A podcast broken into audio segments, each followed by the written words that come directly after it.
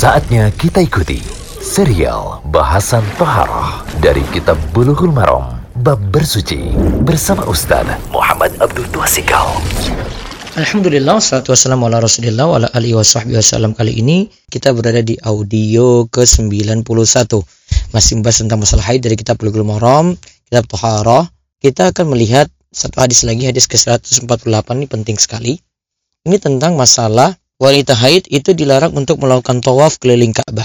Jadi wanita haid dilarang untuk melakukan tawaf keliling Ka'bah. Hadisnya dari Aisyah radhiallahu anha, ia berkata, "Lamma ji'na sarif hittu faqala an-nabiy sallallahu alaihi wasallam if'ali ma yaf'alu al-hajju ghaira alla tatufi bil bait hatta tathuri." Muttafaqun alaihi fi hadisin.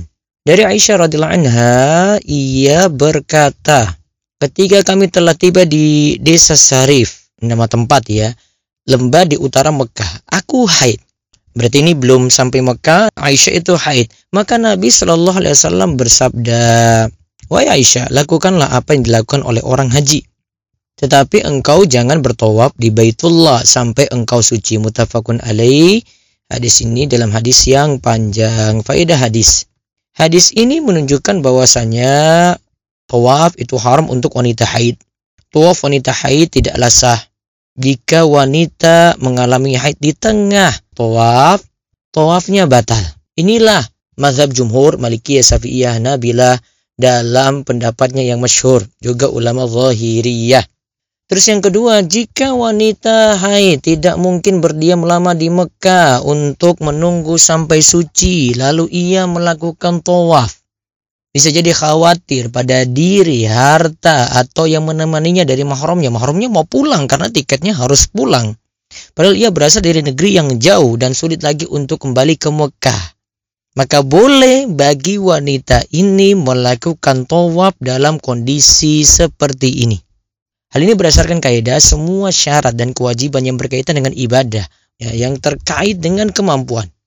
Yang terkait dengan kemampuan orang yang menjalani syariat.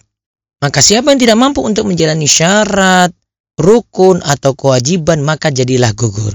Pendapat bolehnya tawaf dalam keadaan darurat seperti ini dibolehkan oleh Syaikhul Islam Ibn Taimiyah dan muridnya Ibn Al-Qayyim.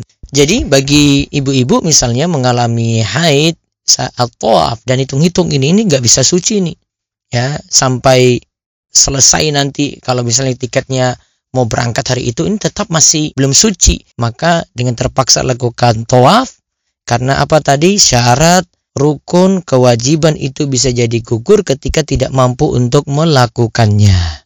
Ini panjang lebar dijelaskan oleh Syekh Islam Taimiyah dan beliau katakan yang dimaksud dengan ijma tidak boleh melakukan tawaf saat haid itu untuk orang yang punya kemampuan. Sedangkan yang tidak punya kemampuan memenuhi rukun ataupun syarat maka jadi gugur sehingga dia boleh melakukan tawaf. Adapun jika seorang wanita mengalami haid dan bisa kembali lagi ke Mekah karena tempatnya dekat dan bisa ditemani mahramnya ketika sudah suci, maka ia boleh pergi dan kembali lagi untuk melaksanakan tawaf. Jadi dia boleh pulang dulu tapi dia belum masih punya utang tawaf. Ya, nanti dia itu balik lagi melakukan tawaf ketika sudah suci nanti ditemani oleh mahramnya. Wallahu a'lam. Demikian serial bahasan toharah dari kitab Bulughul Maram bab bersuci bersama Ustaz Muhammad Abdul Tuasikal.